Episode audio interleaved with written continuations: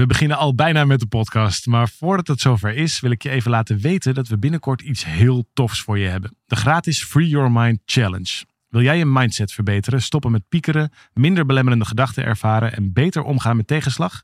Schrijf je dan in voor deze challenge via www.365dagensuccesvol.nl slash challenge. Het is van 26 mei tot en met 29 mei en ik heb er heel veel zin in. We beginnen nu met de podcast.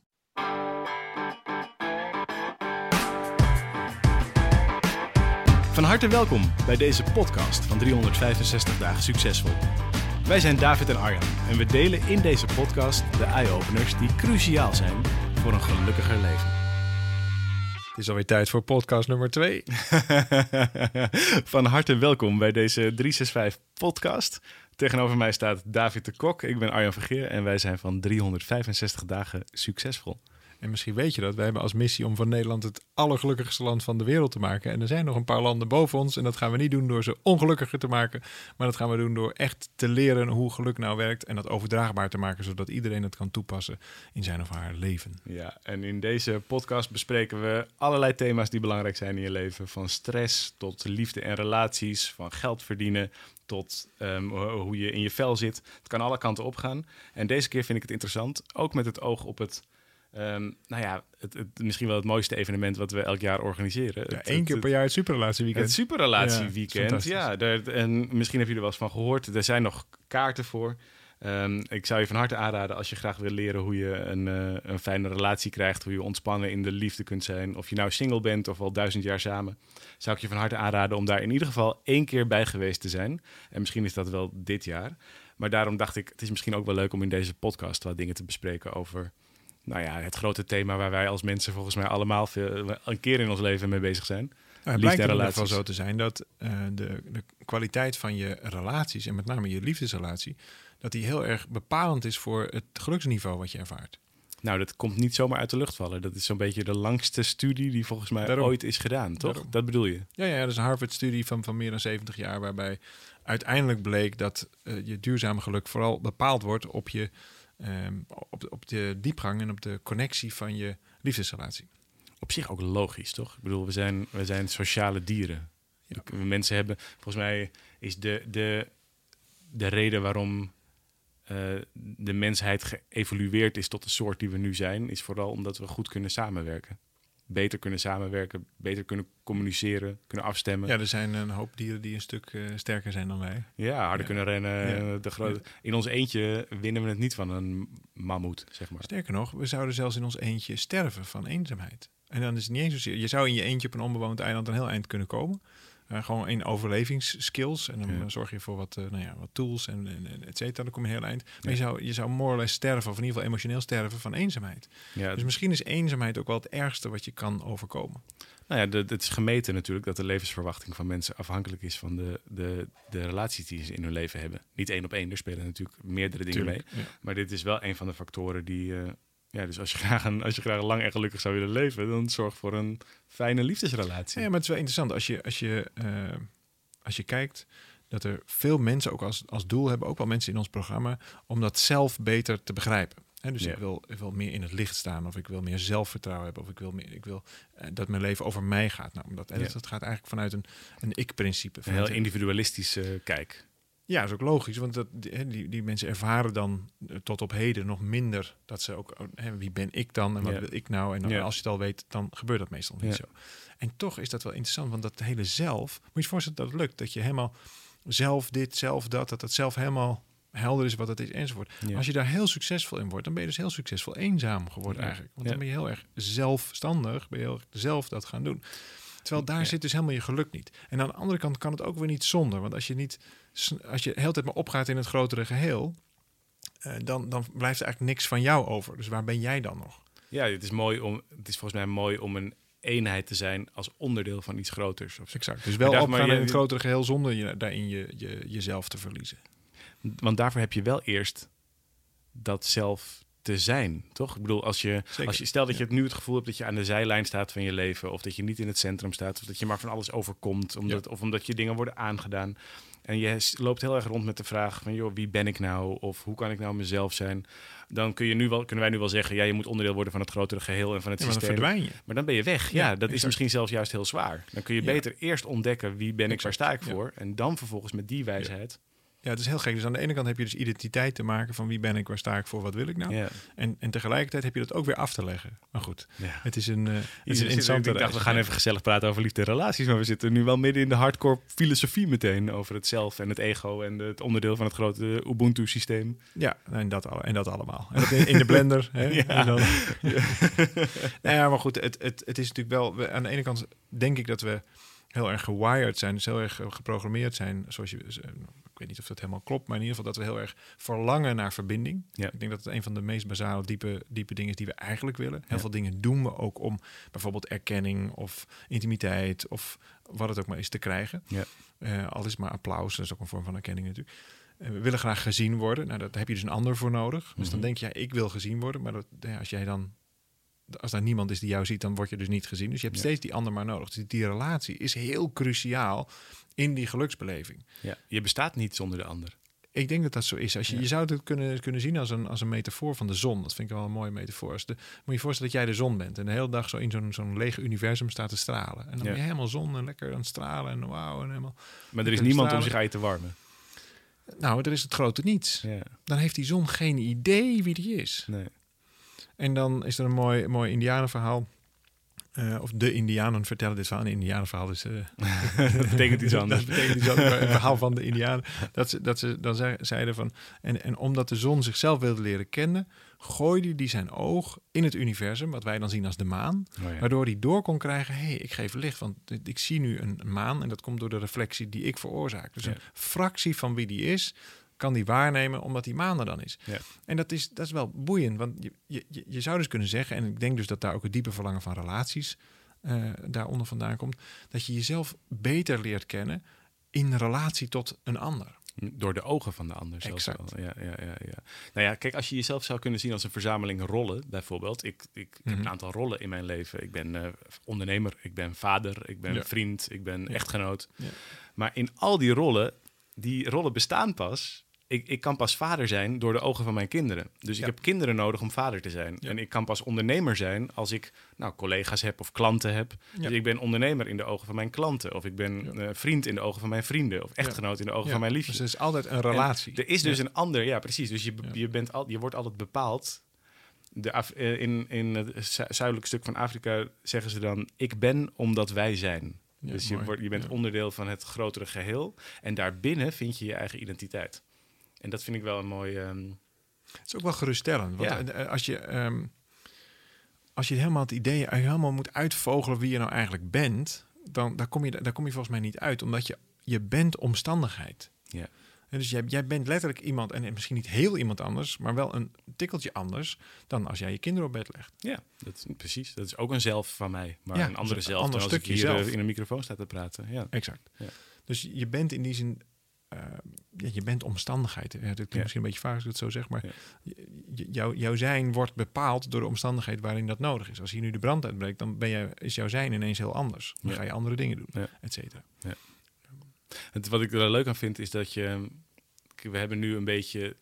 Dit gesprek gaat nu in de richting van ehm, eh, eh, gezien worden door de ogen van een ander. En ook over je eigen vorm van projectie. En terwijl ik heb een keer daar een, een, een een onderzoek over bestudeerd. En dat gaat ervan uit dat stellen, en helemaal als ze al wat langer bij elkaar zijn, wat langer in een liefdesrelatie zitten, dat ze dan um, ervan uitgaan dat de ander wel ongeveer hetzelfde denkt. Of sterker nog, dat ze wel weten wat de ander denkt. Dus dat ze heel goed kunnen invullen voor een ander. Jij denkt nu dit en dit, of je hebt nu hier en hier behoefte aan. Of sterker nog, jij doet nu ongeveer dit en dit. Dus dat hebben ze gedaan, die stellen gewoon uh, even bij elkaar gezet en daarna los van elkaar. En dan... Ja, en hebben ze los van elkaar gevraagd van, joh, wat zijn nou de, de dingen die de ander... Hoe hebben ze, die, hebben ze allemaal vragenlijsten laten invullen over zichzelf en over de ander. Ja. En een mooi een, een, een voorbeeld wat heel sprekend is, vind ik zelf, en wat daaruit mhm. mm kwam, ging over jaloezie. Of over eigenlijk het vermoeden van vreemdgaan. Okay. En dat bleek zo te zijn dat um, um, in, een, in veel relaties blijkt het zo te zijn dat bijvoorbeeld persoon A, de, de, de man of de vrouw, een van de twee, maakt niet uit. Uh, de persoon A die verdenkt de ander van hey, die kijkt wel heel vaak naar andere mensen, heel vaak naar andere partners om. Heel, heel vaak naar andere vrouwen of naar andere mannen. Ik hem te knipogen, misschien heeft hij wel een affaire. Dus die vermoeden bij de ander dat te zien. Vreemdgaand gedrag mhm. of affaireachtig gedrag, ontrouw gedrag. Um, terwijl die ander op dat moment, die was daar helemaal niet mee bezig. Die was daar helemaal niet op dat moment, uh, er speelde niks, was niks aan de hand. Dus wat die persoon A zag bij de ander, was eigenlijk, kwamen die onderzoekers achter, een projectie van waar hij of zij op dat moment zelf in zijn leven mee bezig was. Want die persoon A had zelf eigenlijk, dat vulde hij in andere stukken van die vragenlijst in, had hij ook wel eens het verlangen om misschien een keer met iemand anders uh, intimiteit te beleven. Of die was, was nieuwsgierig naar hoe zou het zijn met iemand anders. En die persoonlijke wensen en persoonlijke behoeftes dacht hij vervolgens te zien bij de ander. Dus die, die, wat ik daar zo interessant aan vond, is dat we vaak denken dat we een ander kennen, of denken dat we een ander begrijpen of, of horen ehm, of zien. Maar eigenlijk zien we vooral de projectie van wat we zelf verlangen of waar we zelf behoefte aan hebben. Het is natuurlijk ook wel logisch, omdat het, het beeld wat je van de ander ziet, komt via, via licht in je ogen binnen. Ja. En daarna gaat het door allerlei filters in je hoofd. In je hersenen, daar vindt de echte waarneming ja, plaats. Je, het is allemaal heel fragmentarisch. En daar zitten liggen filters over en ik, ik weet niet allemaal wat. Dus het, het zien voor wat het is, dat kan helemaal niet. Het is altijd zien voor hoe jij het ziet. Ja, dus je ziet alleen maar jezelf. Dat en is daarin zie je dat, dus, jezelf. Ja, ja dus je ziet, de, en als je dat op die manier durft te zien, dat is best wel een radicale we hebben natuurlijk allemaal het idee dat we allemaal andere mensen zijn en iedereen is anders. Maar ondertussen kijk je dus naar de wereld. Niet hoe de wereld is, maar je ziet de wereld hoe jij bent. Ja. En daarom, eh, als je tien mensen bij elkaar in een ruimte zet en er gebeurt iets. En vervolgens ga je aan die tien mensen vragen wat is er gebeurd. krijg je tien verschillende verhalen. Niet omdat er tien keer iets anders is gebeurd, maar omdat er tien verschillende mensen zijn. Ja. En dus betekent het dat als je, als je de wereld niet ziet zoals de wereld is, maar als je de wereld ziet zoals jij bent, dat is volgens mij een. Uh, in relaties een radicaal andere manier van kijken. Omdat in één keer heb je geen grond meer om een ander iets te verwijten. Heb je geen grond meer om een ander van een ander dingen te verwachten. als, je, als je iets verwijt of verwacht van een ander, dan verwijt je of verwacht je dat eigenlijk van jezelf. Ja. En, en ik heb wel eens ook ergens gehoord... Allemaal boemerang. Ik ben benieuwd hoe je daarover denkt. Want de, de, degene die jaloers is, eh, dat heb ik wel eens ergens gehoord. Ik weet niet of dat genoeg onderzocht is. Maar degene die jaloers is, is degene die het grootst mogelijke kans heeft om zelf vreemd te gaan. Oh ja. Omdat hij ervan uitgaat van ja, die ander gaat waarschijnlijk toch al een keer vreemd. En daarmee ook een soort exact, toestemming heeft zichzelf gegeven of iets dergelijks. Dat is wat jij bedoelt. Precies, ja, zoals de waard is, vertrouwt hij zijn gasten. Dat is eigenlijk natuurlijk het oude spreekwoord daarop. Dus zoals je zelf bent, ben je geneigd om te veronderstellen dat de ander ook is. Dus als je de ander verdenkt van, oh nou, die gaat wel heel slordig om met geld. Of oh, die is wel is misschien een beetje buiten de deur aan het zoeken op seksueel gebied. Of mhm. hey, die is wel, uh, die gaat niet, die is niet respectvol naar de kinderen. Of, nou, dan zie je vooral, je, je ziet vaak je eigen um, worsteling of je eigen verlangen of je eigen, uh, nou misschien wel wat je daar zelf onhandig in doet. En dat is heel. Dus als ik me irriteer, even, even een voorbeeld uh, van thuis. Ik irriteer me enorm een rommel in huis. Ja. En dan, dan zeg je eigenlijk, ja, wacht even, dat, dat is een projectie van mij. Want, want ik ben bijvoorbeeld rommelig dan in mijn, in mijn denken of rommelig in mijn handelen of iets. Ja, dat zou zomaar kunnen. Ja. In ieder geval helpt het om het, Kijk, weet je wat het namelijk is? Het, volgens mij bij dit soort dingen altijd doet het er helemaal niet eens zoveel toe of het nou uh, helemaal waar is. Maar het doet er altijd toe wat je er voor helpend ding uithaalt. Ja, en wat, je eraan hebt. Ja. ja, en wat ik hier aan heb, is dat ik, uh, als ik iets nodig heb in een relatie, dat ik altijd in eerste instantie mezelf onderzoek. Dus dat ik, en het voordeel daarvan is, is dat dat dichterbij is dan de ander. Ja, daar heb je in ieder geval een stuk meer invloed op. Ja, en, En, dan, en vaak kan dat ook op een vriendelijkere manier, want dat kan ik gewoon stiekem in mijn eentje op de fiets doen of zo. Of, uh, zonder dat ik daar meteen een ander met mijn liefje met van alles en nog wat hoef te confronteren of uh, te, te, ondervragen waarom ze nou weer zo en zo doet. En uh, dat maakt het veiliger en dat maakt het vrijer en daarmee kan ik het makkelijker veranderen. Dus ik, dus ik ga er gewoon van uit, omdat ik het een helpende gedachte vind, dat ik vooral mijn eigen weerspiegeling zie. De, de echo van, me, van mijn eigen overtuigingen, dat is de wereld om me heen. En als ik dus iets wil veranderen in die wereld of in mijn relatie, heb ik dus mijn eigen overtuigingen te veranderen. En bijvoorbeeld bij die troep van jou, ah, troep is pas een probleem als je zegt dat troep een probleem is. Dus op het moment dat je kunt ook bij jezelf de overtuiging hebben, de dingen horen liggen precies waar ze moeten liggen. En dan is in één keer de troep weg. Ja. Dus het is maar net hoe je. Eigenlijk heb je een verwachting dat de wereld anders is dan, dat, die is. op dat moment is. Nou, vooral een verwachting dat een partner anders zou moeten zijn. die het even opruimt voor je. Ja, of dat de troep gewoon in de first place niet maakt. Ja. ja. ja, en, en, uh, en ik zoek altijd naar manieren om... Uh, nou ja, dat zie je ook bijvoorbeeld bij het superrelatieweekend dat we organiseren. Daar zit een best wel confronterende oefening in voor veel mensen... die heel erg gaat over um, het onderzoeken naar voor welk stuk je eigenlijk zelf verantwoordelijk bent in die relatie. Waar heb je nou precies invloed op? Ja, ja, ja. En veel mensen denken dat ze heel veel invloed hebben op de ander. Ik weet niet, heb jij het idee dat je veel invloed hebt op je ik heb, uh, ik heb, het, ik heb het opgegeven. ja, nee, ja, maar dat is volgens mij maar goed ook. Ja. ja. Toch? Ja. Want, want dat, dat, het kan een uh, bliksemafleider zijn om niet met jezelf aan de slag te gaan. Precies. En het is uh, sowieso een, een ontzettende wig. Want wat je eigenlijk doet, is die ander afwijzen. Ik heb het wel eens meegemaakt in een relatie dat het ook lukte. De ander veranderen? Nou, in dit geval dat ik me heb aangepast aan de oh, ander. Ja. En vervolgens was het dan helemaal volgens het plaatje wat dan de bedoeling was. En toen kon ik gaan. Ja, toen was je niet meer aantrekkelijk. Nee, het was niet meer aantrekkelijk. Toen zei ze, ik zou wel weer terug willen naar hoe het vroeger was. Ja, ja, ja. ja. Dat was wel heel lang geleden hoor. Maar dat, dat, was best wel een wijze les. Dat ik dacht, oh ja, dat aanpassen zorgt dat ik dus bij mezelf wegraak. Dan vervolgens in een soort plaatje ga wat die ander waarvan ik denk, denk, ook nog zoiets, maar goed, waarvan ik dan denk dat die ander dat eigenlijk wil hebben, vanuit de angst om iemand te verliezen. Ja. En dan vervolgens vindt iemand mij niet meer aantrekkelijk. Dus het is ook zo logisch als ik het nu op, nu op terugkijk. Maar het is, het is wel een hele kunst om, om gewoon daarin uh, dicht bij jezelf te blijven in een relatie. Ik denk dat dat, dat, dat heel moeilijk is. Ja, ja en um, dit is altijd, alles is een kwestie van oefenen, volgens mij. Dat is ook gewoon. Dat, dat kan, dan kan het ook, dat gewoon leren. Ja. dan kan het ook leuk zijn. Ja, Relaties zeker. hebben, liefde is volgens mij ook een vaardigheid. Ja, liefhebben is een vaardigheid, maar lief gehad worden, of lief gehebt worden, te worden lief gehad, is ook een vaardigheid. En, en dat is een kwestie van vaker oefenen. Dus als je, dus bijvoorbeeld, stel bij die troep zou je kunnen denken: wat ga ik tegen mijn partner zeggen om dit te fixen? Zou je ook kunnen denken: wat zou ik tegen mezelf kunnen zeggen om hier uh, geen probleem meer mee te hebben? Ja. En dan um, uh, dat bespaart volgens mij een hele hoop frustratie. Nou ja, ik denk wel dat de, een van de vaardigheden, dat is natuurlijk ook waar we het veel over hebben in het Superrelatieweekend. Uh, een van de vaardigheden die je zelf echt cadeau wil doen, is beseffen dat jij 100% verantwoordelijk bent voor die relatie. En elke ja. keer bij jezelf wil beginnen. Ja. En dat is natuurlijk heel pijnlijk, zeker als het pijnlijke thema's trof. Ja, want troep is nog onschuldig, zou je kunnen zeggen. Exact. Ja. Ja. Maar op het moment dat je in, in de verwachting van de ander bijvoorbeeld uh, de verwachting om alles samen te doen, want ik vind het gewoon lastig om alleen te zijn. Dat is in mijn geval niet echt zo, maar stel dat, dat, ja. dat je het lastig vindt om alleen te zijn. En, ja, dat was toch het contract wat je eigenlijk had. Hè? We zouden toch alles samen doen. Ja. En daarmee is die ander noodzakelijk kwaad geworden. Want ja. die moet eigenlijk die eenzaamheid oplossen. Nou, dan heb je echt meteen vergif in je relatie georganiseerd. Ja, als je jouw geluk op de schouders van de ander legt, dan doe je niet alleen de, de ander tekort, maar doe je ook heel erg jezelf tekort. En volgens mij wil je altijd jezelf daarop kunnen betrappen. Of je dat wel of niet aan het doen bent. En, dan helpt het om die projecties te snappen, volgens mij, die echo's. Ga, ja, en dit ga je nooit, denk ik, in ieder geval, ik, het is mij niet gelukt om dit helemaal goed te doen. Er zijn wel eens mensen die dan verwachten dat het bij ons thuis allemaal uh, koekenij is. Uh, is niet zo? Is geen mijn mijn uh, geliefde is ook nog eens relatietherapeut, dus dat... Het zal wel perfect zijn. Ja, dat moet bij ons allemaal perfect en glad zijn. En dat is natuurlijk helemaal niet zo. Het is een, gewoon een, een permanent beta, zou je kunnen zeggen. Permanent beta.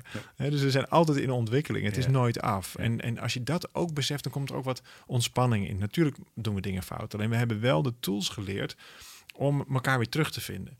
We hebben wel, we, we hebben wel een manier gevonden om het niet te laten escaleren.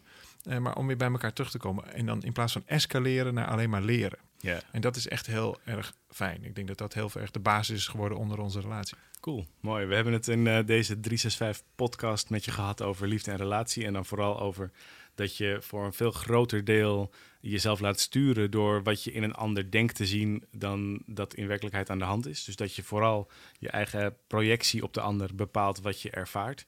En op het moment dat je bewust wordt dat je zelf volledig verantwoordelijk bent voor alles wat er gebeurt, dat je daar dan uiteindelijk ook veel meer rust en ontspanning en misschien wel verbinding in kunt vinden. Mooi om mee te oefenen. Um, we gaan dit vaker doen, toch? Dit soort uh, podcasts. Ik vind het leuk. Ik vind het ook leuk. Mooi, ja. We, we, gaan met je blijven praten over onze grote missie. Nederland, het gelukkigste land van de wereld. Ja, en laat het ons weten. Als je hier tips op, over hebt of dat je het volledig ermee oneens bent. We horen het graag. Ja, is ook goed. En ook je verhalen en alles. Eh, ook de verbeterpunten. Want zo worden wij ook alleen maar weer beter. en leren wij dan ook weer van. Dus dat ja. is heel fijn. Dus dat kan natuurlijk op onze Facebook-kanalen, op Instagram. Het kan op onze website. Het kan op allerlei manieren. En dan gaan wij de komende tijd nog wat nieuwe podcasts voor je maken. Ook over stress, over zelfvertrouwen, over voor jezelf beginnen. Over allerlei grote thema's die in je leven kunnen spelen. En we vinden het te gek om dat samen met jou te doen. Dus uh, laat vooral weten of je er nog eens bij bent. En dan uh, gaan wij weer iets moois voor je maken. Ja, maak er wat van. Tot gauw.